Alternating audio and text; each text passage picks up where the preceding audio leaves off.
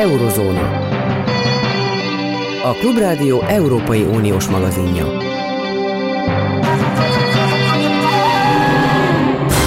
Jó napot kívánok, Zentai Péter vagyok. Az embernek van olyan érzése, egy megfigyelőnek, mint amilyen én vagyok, hogy, hogy, hogy ez, a, ez a háború Ukrajnában a végéhez közeledik, és ha úgy tetszik, az oroszok elérik esetlegesen azt a harmadlagos céljukat, és azt fő győzelemként fogják tudni ünnepelni, hogy elfoglalják a Donbass-t, Ukrajna sok mindenben értékesnek számító keleti részét.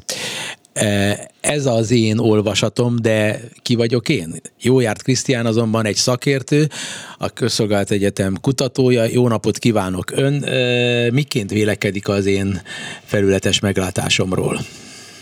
Jó napot kívánok! Hát én sajnos egyáltalán nem vagyok ilyen bizokodó, egyáltalán nem látom azt, hogy miért lennénk a háború vége felé, tehát én azt gondolom, hogy a háború közepén járhatunk talán, ha csak nézzük a közvetlen orosz célokat, amit ön is említett, tehát ugye, hogy a Donbass, ahogy az oroszok fel, fogalmaznak felszabadítását, nyilvánvaló megszállását, akkor azt látjuk, hogy Luhansk megyének 95%-át ellenőrzik az oroszok, ott folynak most nagyon heves harcok, és ott zárják most éppen körbe valószínűleg sikeresen az ukrán erők egy jelentős részét.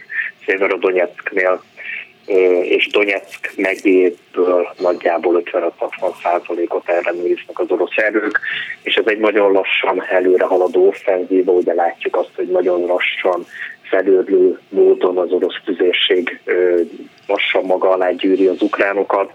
Én azt gondolom, hogy ezeknek a közvetlen katonai céloknak az elérése, tehát Donetsk megyének még az a körülbelül 40%-nyi ukrán ellenőrzés alatt álló részének megszállása, az egy nagyon véres küzdelem lesz, orosz részről ez akár hónapokig eltarthat, és hát ugye semmiféle garancia nincs arra, hogyha ez sikerül is azoknak elfoglalni, akkor az a háború végét fogja jelenteni. Egyrészt látjuk azt, hogy mind a két fél jelenleg úgy látja, hogy győztesként kerülhet ki ebből a háborúból. Az ukránok láthatóan nem hajlandók területeket elengedni, feladni, minden egyes méterért megküzdenek, és hogyha az oroszok el is érik itt a mert mondjuk Donetsk és Luhansk esetében is, akkor sincs arra semmi garancia, hogy ezek az országok közben nem fognak olyan mértékig kifáradni, hogy itt majd beáll egy hadműveleti szünet. Közben ugye a nyugati fegyverszállítmányok érkeznek a frontra, adott esetben az ukránok bármikor ellentámadást indíthatnak, ahogy egyébként Harkivban ellentámadást is indítottak, és innen sikerült a határig visszaszorítani az orosz erőket. Tehát azt gondolom, hogy itt egy nagyon képlékeny helyzet, mert a frontvonal az állandóan váltakozni fog, láthat, látni fogunk nem csak orosz támadást, de ukrán ellentámadást is, és hát az, hogy ennek a konfliktusnak, háborúnak mikor lehet vége, azt gondolom, hogy ezt e, egyelőre nem lehet belátni, felmérni. Az orosz ambíció szint azért azt gondolom, hogy nem csökkent, de hát láthatóan ugyanazok a követelések, melyeket itt a háború el, elején megfogalmaztak, azok továbbra is ott vannak az asztalon. Mik tulajdonképpen az orosz követelések, amelyek alapján beteljesülhet az ő bejelentésük, hogy azt mondják, hogy győztünk. Ön, ön meg tudná mondani nekem, hogy, hogy mi az ő céljuk?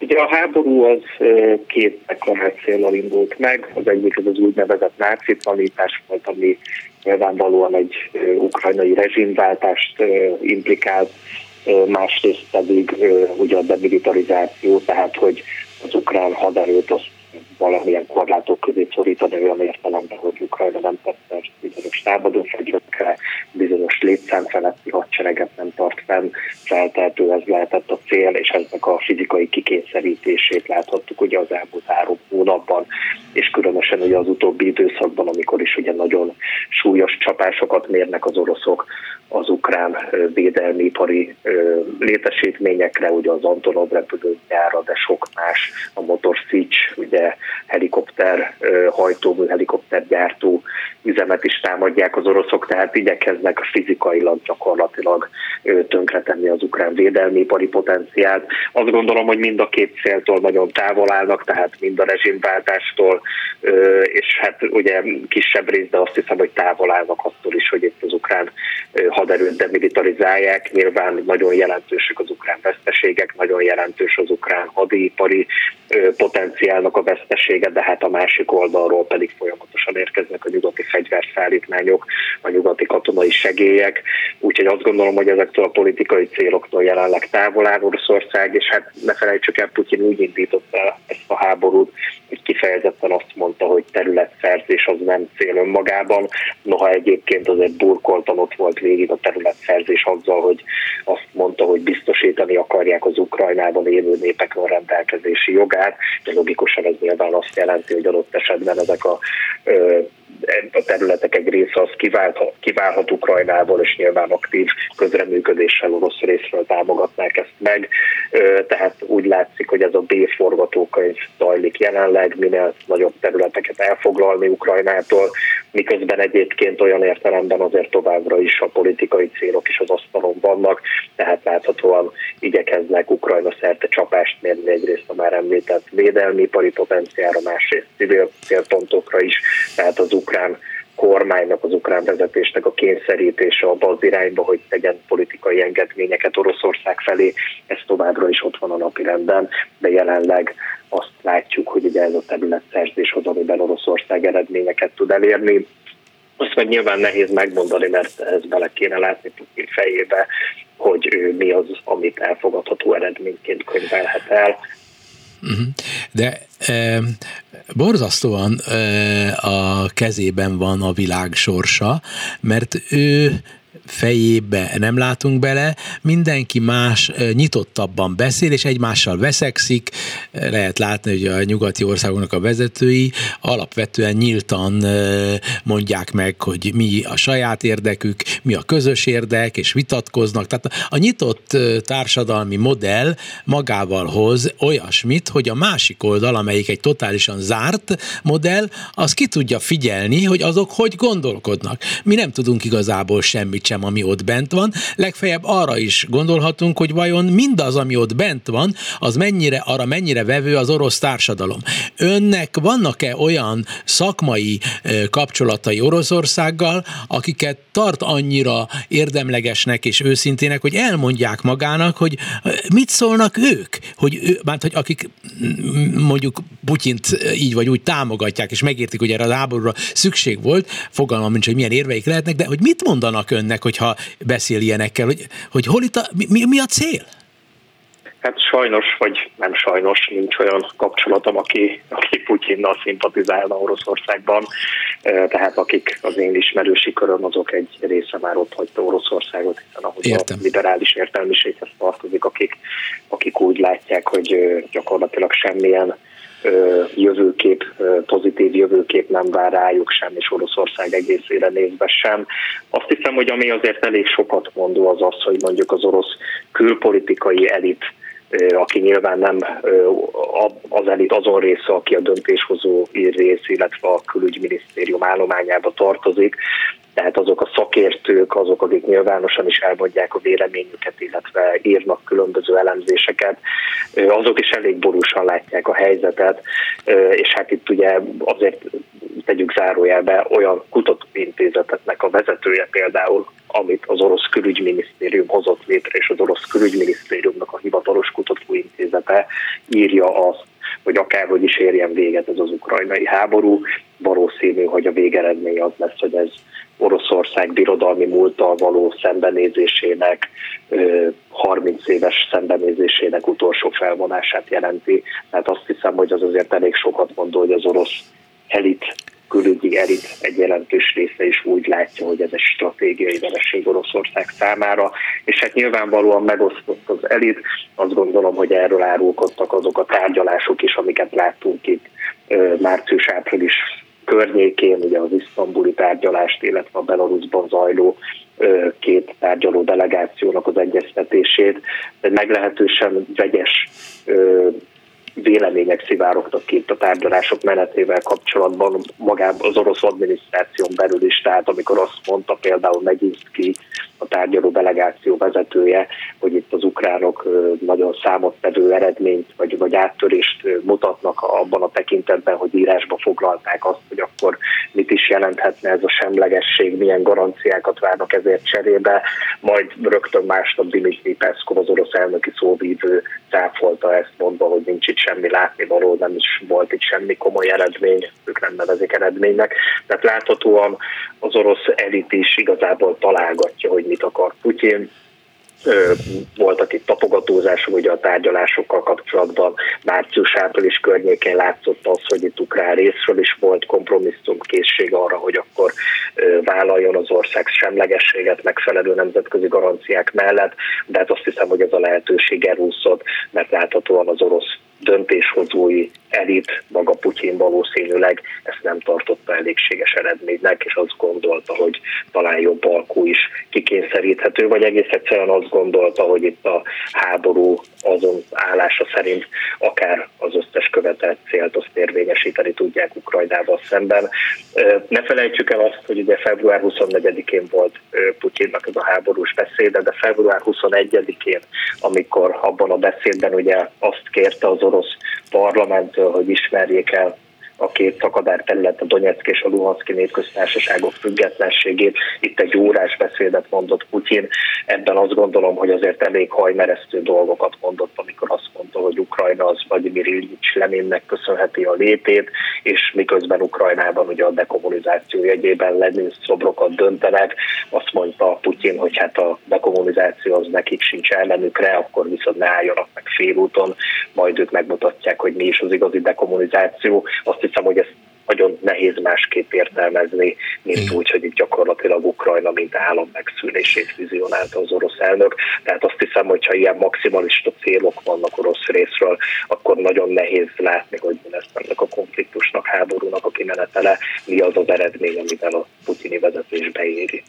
Igen, Putyin a főszereplő, ha őt el lehetne távolítani, akkor minden más lenne, de egyébként nagyon fontos dolgokat mondott így utóbb, a történelemből eszembe jut, hogy például Hitlernél és, és minden diktátornál és minden autokratánál az a leglényegesebb, hogy útközben sokat hazudnak és össze-vissza beszélnek, de amikor stratégiai jelentőségű dolgokat mondanak, azok mindig komolyan veendők. Akkor mondják meg az igazat. És mindig bebizonyosodik a történelemben, így van, tehát amit akkor mondott 21-e környékén, ahogy ön említette, az a valódi putyini cél, és ebből el kell ismernem, az jön ki győztesen az a kettőnk beszélgetéséből, amit ön mondott, hogy ez a háború még nagyon sokáig el tud tartani, és nagyon sok katonai győzelmet kell alatnia ahhoz, hogy azt mondhassa, hogy elértem valamit.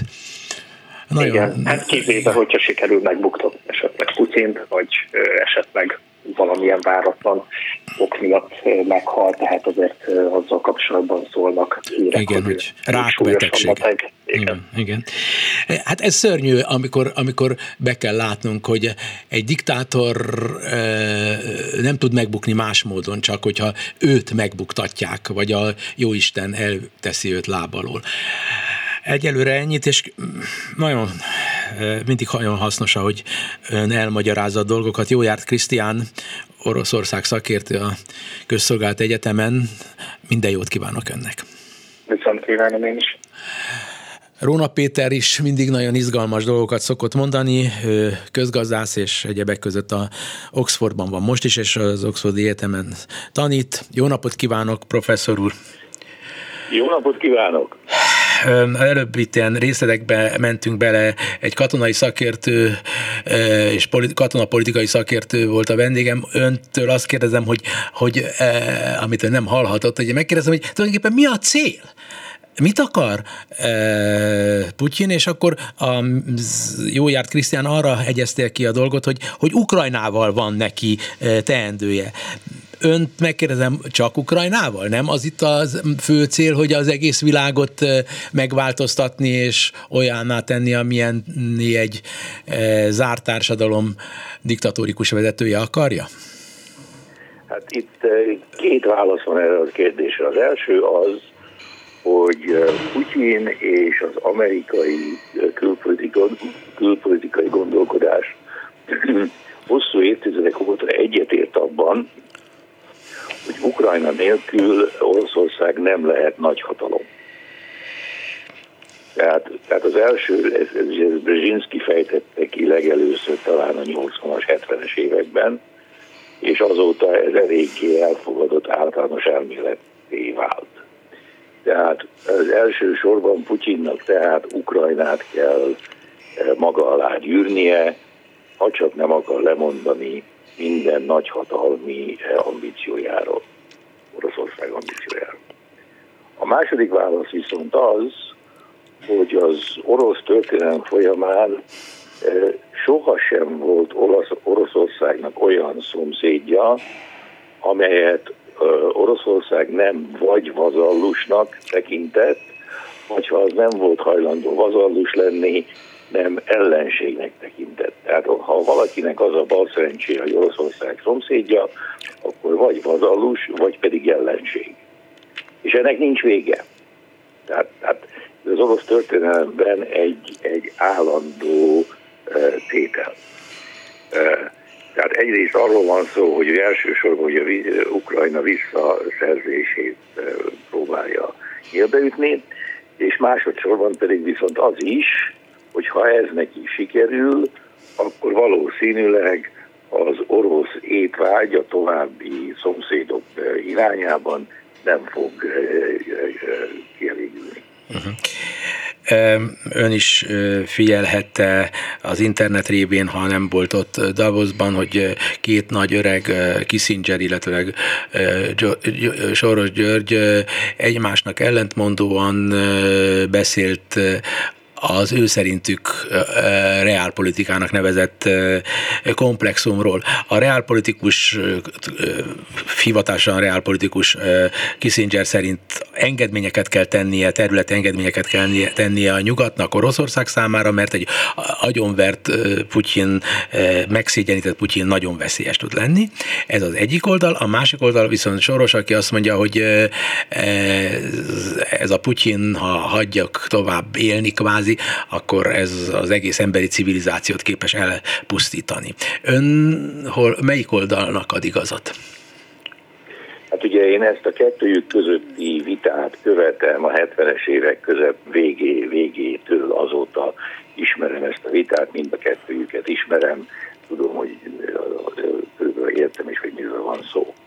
Ugye a Kissinger felfogásában a világ béke attól függ, hogy a nagyhatalmak meg tudnak-e egyezni egymás között, és az amerikai külpolitikának a célja az, hogy a nagyhatalmakkal, a többi nagyhatalommal tartós megállapítás kössön arról, hogy mi legyen a világban. Ezzel szemben Sorosnak a véleménye az, hogy ez, ez nem így van, ez, ez nem igaz. Minden országnak joga van a saját életmódját és rendezkedését felépíteni.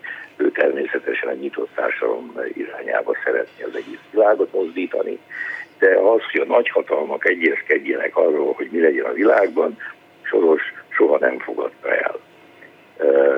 Na most a Kissingeri doktrina Nixon után ugye hanyatlásnak indult, a következő nemzetbiztonsági főtanácsos, Carter főtanácsosa éppen a sorosféle elképzelésnek volt a pártolója, tehát itt Soros és Brzezinski egyetértettek egymással, és ennek meg is volt az eredménye. Amíg nem érkezett meg Carter és Brzezinski a terepre, addig a szocialista országok a dolgait az Egyesült Államok Moszkván keresztül intézte. Tehát ha van, volt valami mondani valami dolga Magyarországgal kapcsolatban, akkor Moszkvához fordult, és, és felkérte Oroszországot, hogy akkor ezt rendezze így és így és így, és akkor az oroszok az amerikaiak megállapodtak, és akkor az történt Magyarországon, amiben a két nagy hatalom megállapodott. Nem. Most Brzezinski jöttével ennek vége lett. És Amerika azt mondta, hogy nekünk mi egy nagy, olyan nagy hatalom vagyunk, ez egy marhaság, amit, eh, amit Kissinger mond, mi közvetlen kapcsolatot fogunk felépíteni a, a, az akkori szocialista országokkal, és nem fogunk konzultálni Moszkvával. És ennek az első nagy, izgalmas fejezete, amiben nagyon részletesen részt vettem, az a korona visszatérülése Magyarországhoz volt, amit az Egyesült Államok nem volt hajlandó Moszkvával egyeztetni. Ez volt az első nagy lépés ebből az irányba. 77-ben volt, nem? 77? Azt igen. hiszem, igen, igen. Igen. 76-ban voltak a igen, igen, igen. és 77. Igen, igen. Na most, most ugye azóta az amerikai doktrina ez. Mi nem fogunk Moszkvával konzultálni, mi egyenesbe megyünk. Most ez, a, ez az amerikai doktrina némi feszültséget okoz Európával, mert Európa viszont valamiféle modus viventit szeretne kialakítani az oroszokkal, mint amely hagyományosan mindig is modus viventit akar kialakítani az oroszokkal, ez egy régi történet. És akkor ebben benne van az, hogy hát valamiféle konzultáció szükséges erről, arról, meg amarról. És ez, ez megint visszajön ebben a konfliktusban, hogy hát akkor milyen fegyvereket is szállítsunk, milyeneket ne, és akkor azért mi az, ami megsérteni az oroszokat, és mi az, ami nem, és így tovább. Az amerikai azt mondja, minket nem érdekel, hogy mi sérti meg az oroszokat, mi az orosz támadást nem fogadjuk el, mi megvédjük Ukrajnát, lesz, ami lesz. És ez, ez a jelenlegi állam. Tehát én azt hiszem, hogy az amerikai külpolitikai gondolkozáshoz sokkal közelebb áll Soros György eh, álláspontja, mint Kissinger.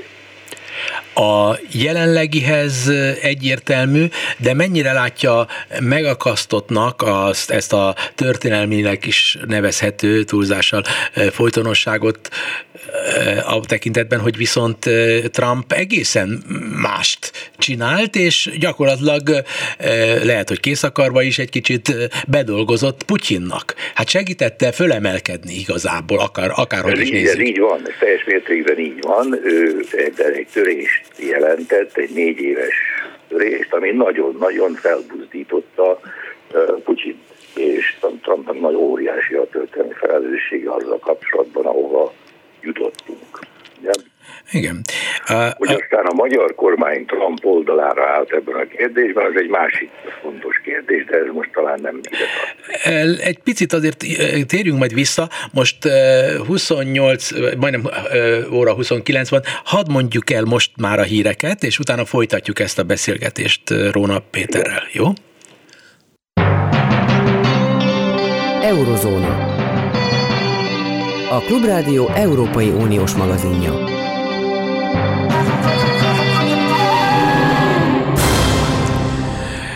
Soros a nyitott társadalmakat támogatja azzal, hogy egy olyan amerikai külpolitikát támogat, amely klasszikusan elvi alapon a korrupció legyőzését, a demokratikus átláthatóság erősítését akarja.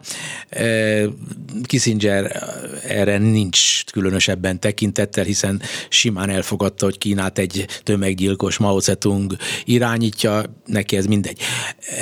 De most megint, az, ugyebár arról beszélünk Róna Péterrel, hogy azért a sorosféle vonal és a Bideni vonal az meglehetősen egybecseng. Magyarországról is említettünk néhány szót, és Magyarország tipikusan az, amelyiknek a jelenlegi rendszere inkább érdekelt egy olyasfajta rendszernek az exportjában, amilyet az oroszok exportálnának legszívesebben, és a legkevésbé sem érdekelt egy olyanban, amiért az amerikaiak exportálnak. Ha ezt kivetítem az ukrán-orosz háborúra, akkor tulajdonképpen elméleti alapon mondom én, mi az oroszok oldalán vagyunk, mert az alapeszme, ami irányítja őket, az egy egyben ugyanaz, mint ami a magyar országot irányító csoportnak az alapeszmeisége. Tévedek? Hát ha nem is egy az egyben, de nagyon hasonló. Na most még mielőtt erre a kérdésre válaszolnék, engedje meg, hogy két további tényezőt felvázoljak az korábban elhangzottak mellé. Az első a kínai szerep, ami, ami, ami nagyon fontos, ezt meg, megértsük. És a második pedig a gazdaság jelentősége, hogy hol áll az orosz gazdaság, mennyire képes ezt a háborút folytatni, van-e erre a megfelelő forrása. Ami az elsőt illeti, amikor eh, Putyin és Xi Jinping bejelentették egy három héttel az orosz támadás előtt, a korlátlan barátságot, amikor Putyin ellátogatott Bézsingbe a két ország között, akkor ugye egy olyan bejelentést tettek, ami provokálta az amerikai reakciót. Ugyanis az amerikai külpolitikai gondolkodásnak, és ez részben Kissingertől származik, alaptétele Oroszország és Kína között valamiféle éknek a fenntartása. Tehát ez a két ország megközeledjen túl egymáshoz. Amikor ők ezt a fantasztikus, korlátlan, határtalan barátságot bejelentették, akkor azt mondták, hogy nincs ég. És mi mindenben egymást támogatjuk, mindenben együttműködünk. Ez az amerikai külpolitikai elmélet szempontjából egy alapjában véve elfogadhatatlan állapot, tehát Kína és Oroszország közötti meg leválasztás nekik stratégiai jelentőségű, és hogyha netántán mégis nem sikerülne ezt az éket fenntartani, akkor Amerikának alapvető érdeke, hogy egy olyan Oroszország csatlakozzon Kínához, amelyik többet visz, mint amennyit hoz, tehát nagyobb teher, mint amennyi eh, előny származna belőle. Tehát ez, ez az amerikai álláspont. most a másik kérdés pedig az, hogy meddig bírja az orosz nemzetgazdaság eh, folytatni ezt a háborút. Hát ezzel kapcsolatban néhány szám. Az eddig Amerika, Nagy-Britannia és a nyugati világ által az ukránok rendelkezésére bocsájtott katonai, katonai segély az meghaladja a 60 milliárd eh, dollárt. A orosz hadi beruházás, a hadi költségek a 21-es költségvetésben 55 milliárd dollárra rúgtak. Tehát ennek alapján a nyugati világ azt demonstrálja, hogy forrásból, pénzügyi forrásból, erőforrásból és katonai felszereltségből messze nagyobb források állnak a rendelkezésére, mint az oroszok rendelkezésére. És ez így is van. Ezt a különbséget Oroszország nem tudja behozni, és ahogy próbálja behozni, annál rosszabb gazdasági e, körülménybe, állapotba kerül. Tehát ilyen a gazdasági értelemben Oroszország nem tudja ezt a háborút megnyerni, mert nincs meg a szükséges gazdasági ereje. E, előbb-utóbb, ha nem sikerül nagyon gyorsan áttör, átütő sikert elérnie, e, akkor, akkor béketárgyalásokra kényszerül, és, és akkor nagyon sürgős lesz a számára a béketárgyalás. Nem is annyira azért, mert az ukránok visszaszereztek jelentős területeket, hanem azért, mert a gazdaságok komoly-komoly hm. bajba kerül. Ez a másik kérdés. Hm. Na most, ami Magyarországot illeti, ugye azzal, hogy Orbán eh, megvétózta az olaj- és gázembargót, és a vétóját úgy tűnik továbbra is fenntartja, első alkalommal 12 évben olyan lépést tett, aminek világpolitikai jelentősége van.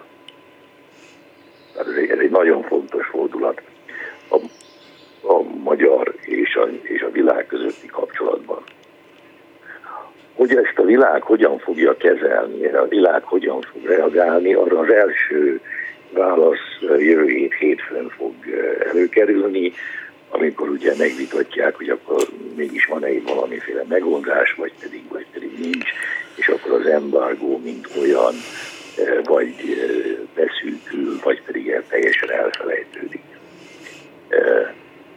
Itt a kérdés az, hogy az Európai Unió hajlandó elviselni, amit idáig, amiről idáig nem volt szó, hogy Magyarország azon kívül, hogy itt flörtöl Oroszországgal, Törökországgal, Kínával, stb. és ilyen külön utasként szerepel különböző kérdésekben, ami, ami, ami nem, nem volt különösebben nagy jelentősége világpolitikai értelemben, amit most tesz, annak viszont van. De hát ezzel, hogy ő megvétózta és a vétóját fenntartja immár e, majdnem egy hónapja ezt a, ezt a csomagot, ezzel e, Orbán az Európai Unió egységét megtörte, és az, és az oroszok elleni nyugati fellépésnek a lendületébe is hát egy kicsit keresztette, tehát valamivel csökkentette. Nagyon fontos döntés Orbán részéről. Ő persze ezt a kérdést Magyarország felé úgy prezentálja a magyar választók felé, hogy ő az magyar érdekeket védi, és másról nincs szó. Ez ugye nem igaz. A magyar érdekeket lehet védeni tárgyalásos alapon, itt vannak megoldások, amiket a sajtóban már is jelentek, tehát ez világos, az Európai Unió számára is világos.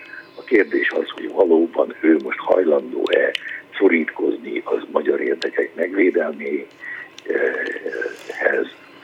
arra, koncentrálni, vagy pedig egy sokkal szélesebb dologról van szó, Putyin megvédelméről. A vétó Putyin megvédelmét jelenti. De facto igen. Más kérdés, hogy ahogy ön mondja, ezt teljesen másként magyarázzák nekünk a magyar közvéleménynek, és nyilván, hogyha ide jön egy nyugati tárgyalópartner, nekik is ugyanezt a szöveget nyomják, hogy ők nekik rendkívüli izé, borzalmas helyzetben van, egyedülállóan tragikus a magyar helyzet, mint, nem, mint hogyha a többi országnak nem ilyen lenne, de... Nem az... ugye ezt a szöveget nem igazán tudják nyomni nyugat felé, vagy nyugat tisztában van, hogy technikailag, technológiailag és egyéb egyébként milyen alternatívak állnak, alternatívák állnak Magyarország rendelkezésére, és hogy ezek közül melyikkel foglalkozik, illetve nem foglalkozik a magyar kormány. Hát igen, hát gondoljunk csak bele, hogy azt megvettek Triestben egy kikötőt, és vagyis van tengere Magyarországon, és arra építik, hogy sajnos nekünk nincsen tengerünk. Minek vettek egy kikötőt? Az is ott áll, rozsdásodik. Nem, ezt én felháborodva veszem tudomásul, csak akarom mondani, hogy szimplán hazudnak minden tekintetben, ezt, ezt be kell látni, hogy, hogy nincs egy igaz szavuk sem, és mégis minél inkább ilyen a véleményem, annál inkább imádja a nép ezt az egészet, és gyakorlatilag egy, egy Stockholm-szindróma alakult ki. Igen. Tehát az, az osztrákoknak sincs kikötőjük, a svájciaknak sincs kikötőjük, a cseheknek Igen, erre azt mondják, hogy nekik igen, igen. A szlovákoknak sincs kikötőjük. Ugye, tehát ez, ez, egy, ez, egy, ez egy értelmetlen és teljesen alattalan, tehát ugye irreleváns állítás az részéről de valahogy ez a magyar érzelmeket felborzolja, hogy hálán lám, ugye elvették tőlünk a Trieste kikötőt, ami valamikor állítólag magyar volt, sose volt. Sose volt magyar. Mindegy. Igen. Igen. Igen. Meg, meg hát e, nyilvánvaló, hogy, hogy kiépítünk egy, egy, egy hamis e, legenda e, történelmet, aminek a fele se igaz, a fele igen, a másik fele nem, mondjuk így, de a lényeg, hogy, hogy ezt e, Magyarországon egyre inkább támogatják, és egyre inkább mondják azt, hogy Magyarországnak e, mit kell védeni, mi van Magyarországnak Ukrajnához. Mondja ezt Magyarország 56 országa. Hát az embernek, hogyha ön vagy én vagyunk, akkor megáll az eszünk. Igen, igen. Tehát én nekem mondjuk engem nem lett meg, tehát én, én úgy érzem, hogy ez valójában a magyar közvélemény, ez a magyar valóság. Én nem fogadom meg azt a baloldali vagy ellenzéki állítást, hogy mindez köszönhető a Fidesz média fölötti uralmának, és, és agymosás zajlik, és egyébként a magyarok más állásponton lennének. Lehet, hogy a agymosásnak van némi hatása, de alapjában véve ez, ez a, magyar, a magyar társadalom általános álláspontja. Sőt, mi több, a baloldalon, az ellenzék soraiban is nagyon jelentős orosz barát dolgok hangzanak el. Hajaj, hát persze, hát a, a, a, nyilvánvaló, hogy a régi kommunisták között is sokan vannak, akik Igen. abban a tudatzavarban vannak, hogy a Szovjetuniót azonosítják az egyik szovjet egykori tagköztársasággal, amelyet Oroszországnak hívnak. De mire föl? Hát akár a Ukrajnával is azonosíthatnák, vagy Grúziával is. Hát az egész egy hamis tudat, amit szeretünk Igen. építeni, illetőleg amit mindig építkedtek kommunisták Igen. és nem kommunisták egyaránt, és hát ez így idáig jutottunk. Még ha van egy-két egy percünk van. Hogy tegnap az, az amerikai külügyminiszter egy nagyon fontos beszédet mondott a George Washington Egyetemen. És Washingtonban, ami Kínára vonatkozik. És elég kemény szavakkal illette Kínát, tehát, tehát ők látják, hogy Kína hajlandó Oroszország mellé állni, idáig Oroszország mellé állt, és nagyon komoly szavakkal illette Kínát, hogy ennek nem lesz jó vége. Tehát ők ezt, hogy, hogy Kína Oroszországhoz ö, ö, irányul, azzal építi a kapcsolatait és az orosz, izé, ez, ez nekik nem jó. Ugyanakkor kínai szempontból az, a kínai álláspont és politika érthető. A jelenlegi helyzet rendkívül kedvező Kína számára. Ugyanis jelenleg Kína Oroszországtól olajat és gázt is vesz mintegy 40%-kal a nemzetközi piaci ár alatt. Ez, ez, ez azt, azt, azt jelenti, hogy ha ez tartósan fennmarad, már pedig valószínűleg fennmarad, kiváltképp, hogy az oroszok, el, ha az oroszok elveszítik ezt a háborút, akkor azért ilyen szempontból Kína nagyon jelentős versenyelőnyhöz fog, nyugati világban szemben. Tehát ez egy, ez egy, ez egy jelentős tényező. Úgyhogy amerikai szempontból, hogy ez, hogy ez hogyan alakuljon, és hogyan tudják eh, megakadályozni Kína és Oroszország összeborulását, egy, egy szövetségesi rendszerének a dolgozását. Ez egy nagyon fontos és izgalmas feladat. Jelenleg itt Amerika nem áll különösebben erős helyzetben, Igen. de leginkább azt tudja elérni, hogy annyira meggyengíti Oroszországot, hogy ez a kapcsolat az olcsó energiaforráson kívül nem ér semmit, de hogyha olcsó adja Oroszország az energiát Kínának, hogyha fenntartja ezeket a nagy diszkontokat, akkor viszont az orosz nemzetgazdaság és az orosz társadalom fogja a következményeket elszenvedni. Hm. Róna Péter, egyetemi tanár Oxfordban közgazdász, köszönöm önnek, hogy mindezt elmondta a viszonthallásra. Nagy Attila privát bankár és vagyonkezelő, egyébként pedig ismerem őt személyesen, és egy különlegesen izgalmas egyéniség, hiszen a mindennapjait gyerekkorától kezdve a földhöz való, a termőföldhöz való közelség, a állattartás és minden, amit paraszti munkának nevezünk, az is az ő ényéhez tartozik, tehát autentikus, mert világgazdasággal is foglalkozik, hogy őtőle kérdezzem meg első elsősorban az, hogy az, ami a, ennek a háborúnak egy nagyon súlyos gazdasági következmény, amiről azt mondják, hogy a, a élelmiszer hiány alakul ki a világban, és ebből tulajdonképpen a nagy élelmiszer e, hatalomnak is számító hazánk jól fog kijönni, tehát van egy profitunk ebből az egészből. Ezt ön így elfogadja? Jó napot kívánok! Üdvözlöm, Péter, köszönöm a kedves hallgatókat. Hát egy nagyon nehéz kérdés ez, hogy jól lehet ebből kijönni, azt gondolom, hogy nem lehet ebből jól kijönni. Mezőgazdasági élelmiszeripari szempontból? Mezőgazdasági szempontból sem. Azt gondolom, még fontosabb kérdés az, hogy mennyien fognak éhezni.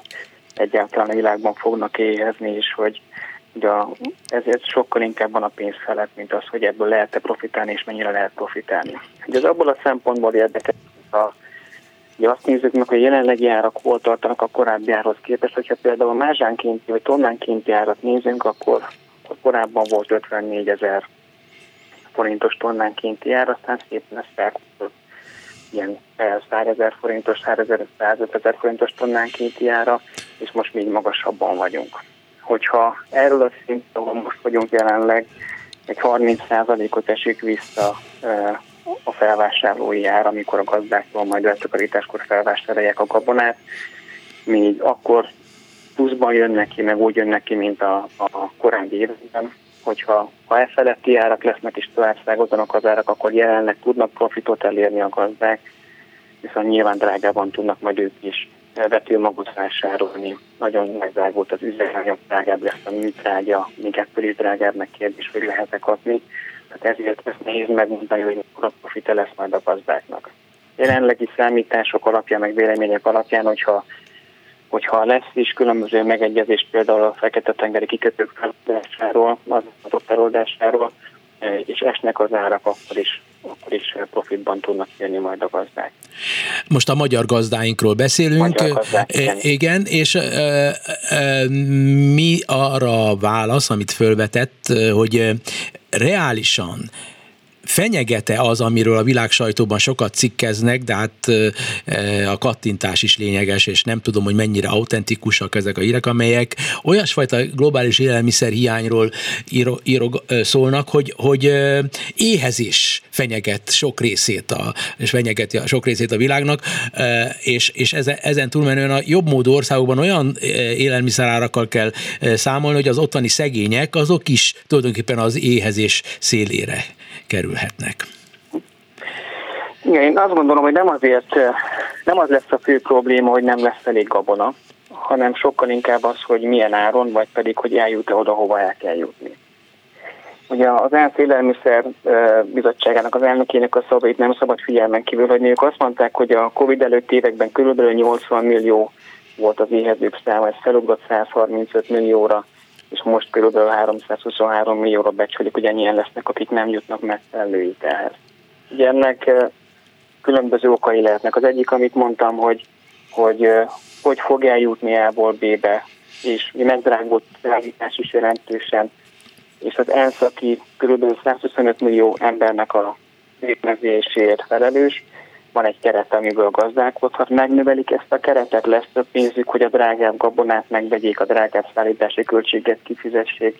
Ez szerintem nagyon kulcsfontosságú kérdés.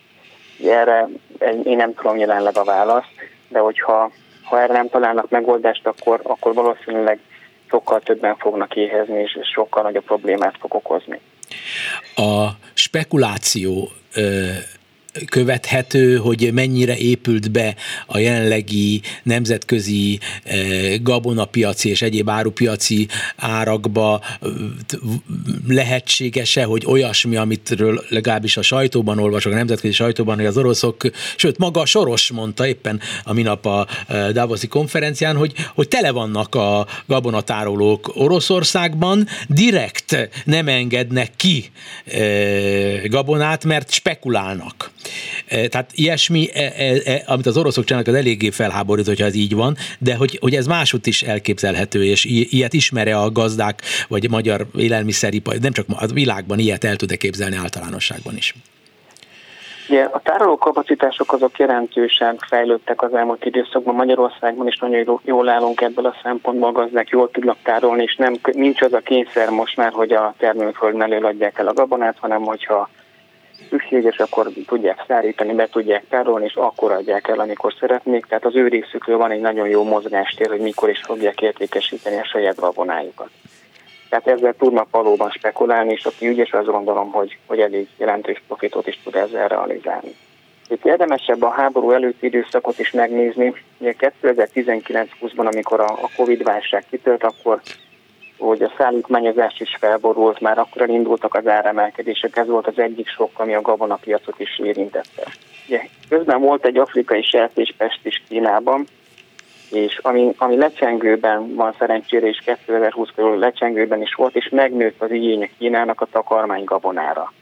Itt a fő kérdés, az egyik fő kérdés az, hogy lesz-e elég takarmánygabona, és az állatokat mivel lehet majd etetni mert hogy több minőségű gabona van, van jó minőségű gabona étkezési, e, van viszont olyan kimondottan takarmányozásra használunk, és ugye nagyon sokszor ennek a hiányáról kellene beszélni, hogy ebből lesz elég. Mert nyilván a jó minőségűt azt mindenki szeretné drágában eladni élelmezési célokra, az állatoknak meg megvenni az olcsóbbat, tehát az egyensúly viszont felborult most a jelenlegi helyzettel.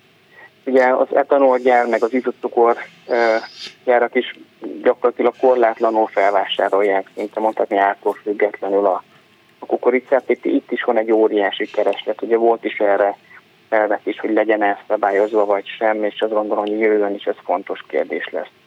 Ugye a gabona árát mellette mindig befolyásolja, hogy, hogy van-e a száj, van-e jégeső, túl sok az eső, el lehet-e vetni, mennyire hideg a, a tavasz, és Ugye nagyon sokszor, amiről, amiről kérdezett Péter, hogy a hírek azok mennyire tudják befolyásolni az árakat, tudják, mert ha azt mondják, mint amit az elmúlt időszakban is mondták, hogy Amerikában jelentős terméskiesés lesz, mert nagy az asszály is, mert nem tudnak vetni a gazdák, erre a hírre elkezdett emelkedni a, a, a kukoricának is az ára.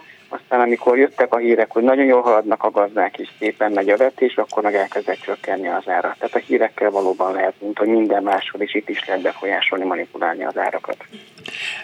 Objektíve, mivel hogy széles tanulmányai vannak arra vonatkozóan, hogy hogy is áll a világ. Ha megfosztanánk háborús eseményektől és különböző spekulációktól a mi kis világunkat, tehát legalább nagy világunkat, akkor, akkor mindent egybevetve van-e reális alapja annak, hogy azt mondhassuk, hogy, hogy a világban élelmiszer hiány van? Nem arról van szó, hogy tulajdonképpen minden további nélkül, akár egy milliárd emberrel is ö, nagyobb számú emberiséget is el lehetne tartani a meglévő ö, fejlettségeken, amik léteznek Afrikában, Ázsiában, Európában, Amerikában. Hú, ez nagyon sok kérdés is. Egy kérdés. Van-e reális élelmiszerhiány, vagy, vagy, vagy élelmiszer túltermelés, vagy egyensúly van objektíve?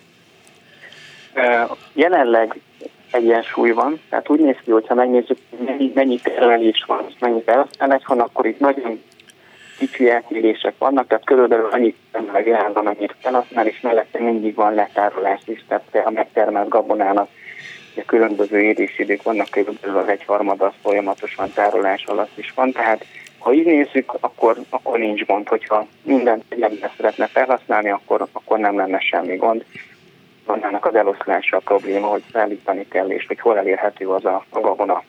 Ugye vannak különböző kereskedelmi szerződések, hogyha mégis azt van kevesebbet tudnak feltenni valahol, akkor azt pótolni kell máshonnan, hogyha felborul a szállítás fel, akkor azt máshogy kell pótolni, és jó, itt most az Ukrajna esetén az egyik legnagyobb probléma, hogy az ENSZ a gabonájának a, az 50%-át, az körülbelül, körülbelül az 50%-át Ukrajnából e, be, és mivel most a tengeren keresztül nem tudja, ezért szárazföldön próbálja, ami sokkal lassabb. A kérdésre válaszolva, tudnánk eleget termelni, és itt egy másik fontos még, hogy a kérdésnek a másik részére válaszoljak, hogy a műtrágya például azért fontos, mert a jelenleg nagyon sok olyan technológia, technológia van jelenleg, ami arra épül, hogy műtrágyázzák a földeket is. Minél jobban, minél hatékonyabban történik a műtrágyázás, annál többet tudnak termelni egy a precíziós mezőgazdaság. Vannak ugyanolyan területek, amelyek teljesen műtrágya mentesen termelnek, de ezekre ez egy új technológia, egy másik technológia, megy már erre az átállásnak, sokan berendezkednek erre, de hirtelen nem tudnak átállni a gazdák arra, hogy eddig olyan technológiát használtak, ami ez kell a műtrágya, és most pedig olyat használnak, ami ez egyáltalán kell. És még itt egy, bocsánat, itt még egy puffer is van, Ugye az Európai Unió felismerte, vagy Magyarország is felismerte azt, hogy gabona hiány lehet, a kormány gabona hiány lehet hirtelen most a konfliktus miatt, és van egy 5%-os területi pusztere például az Európai Uniónak, amit e, környezetvédelem miatt használt. Ugye előírás most már 2015 óta az, hogy, hogy pihentetni kell a földeket, vagy például egy, vagy tárcsázni kell, csak is nem lehet rajta termelni, vagy olyan növényeket, növényi kultúrákat kell termelni, amelyek nitrogént e, tudnak megkötni, például lucernát, e, vagy pedig azt mondják, hogy ősszel kell újra ilyen pillangós növényekkel ültetni, amit meg ki is szántanak, de ez segít abban, hogy a talajnak a szerkezete az javuljon. Tehát itt is van egy pusztufel. És ezt a, ezt a területet most a szükség, szükség miatt érdemes lenne hasznosítani valószínűleg. Hasznosították is a gazdák. A magyar gazdák hasznosították, és ez nem... Szerintem az Európai Unióban mindenki hasznosította. Tehát ez, ezt, ezt, ezt nem vette olyan szigorúan akkor most az Unió, rugalmasan reagálta mind a gazda, mind a ö, nemzetközi politikai döntéshozatal arra, hogy speciális a helyzet. Igen, abszolút vetés előtt lehetővé tették azt, hogy mm ezeket a területeket, ezeket, ezeket lehessen használni. Az, nagyon örülök annak, mint annak, hogy ilyen sok tudásra tehetünk szert, és az, az, az a bíztató ebben, amit elmondott Nagy Attila vagyonkezelő, hogy, hogy, hogy rugalmas az ember. Az ember alkalmazkodik, és azért van benne annyi szív és lélek, hogy ne hagyja azt, hogy az emberiség éjség lázadásos állapotba tudjon kerülni. Nagyon szépen köszönöm Attila. Minden jót kívánok a hétvégére, mint ahogy a hallgatóknak is feltétlenül. Lantai Miklós Dobos Krisztina és Bencsik Gyula nevében elköszön a műsorvezető Zentai Péter. Önök a Klubrádió Európai Uniós magazinját hallották.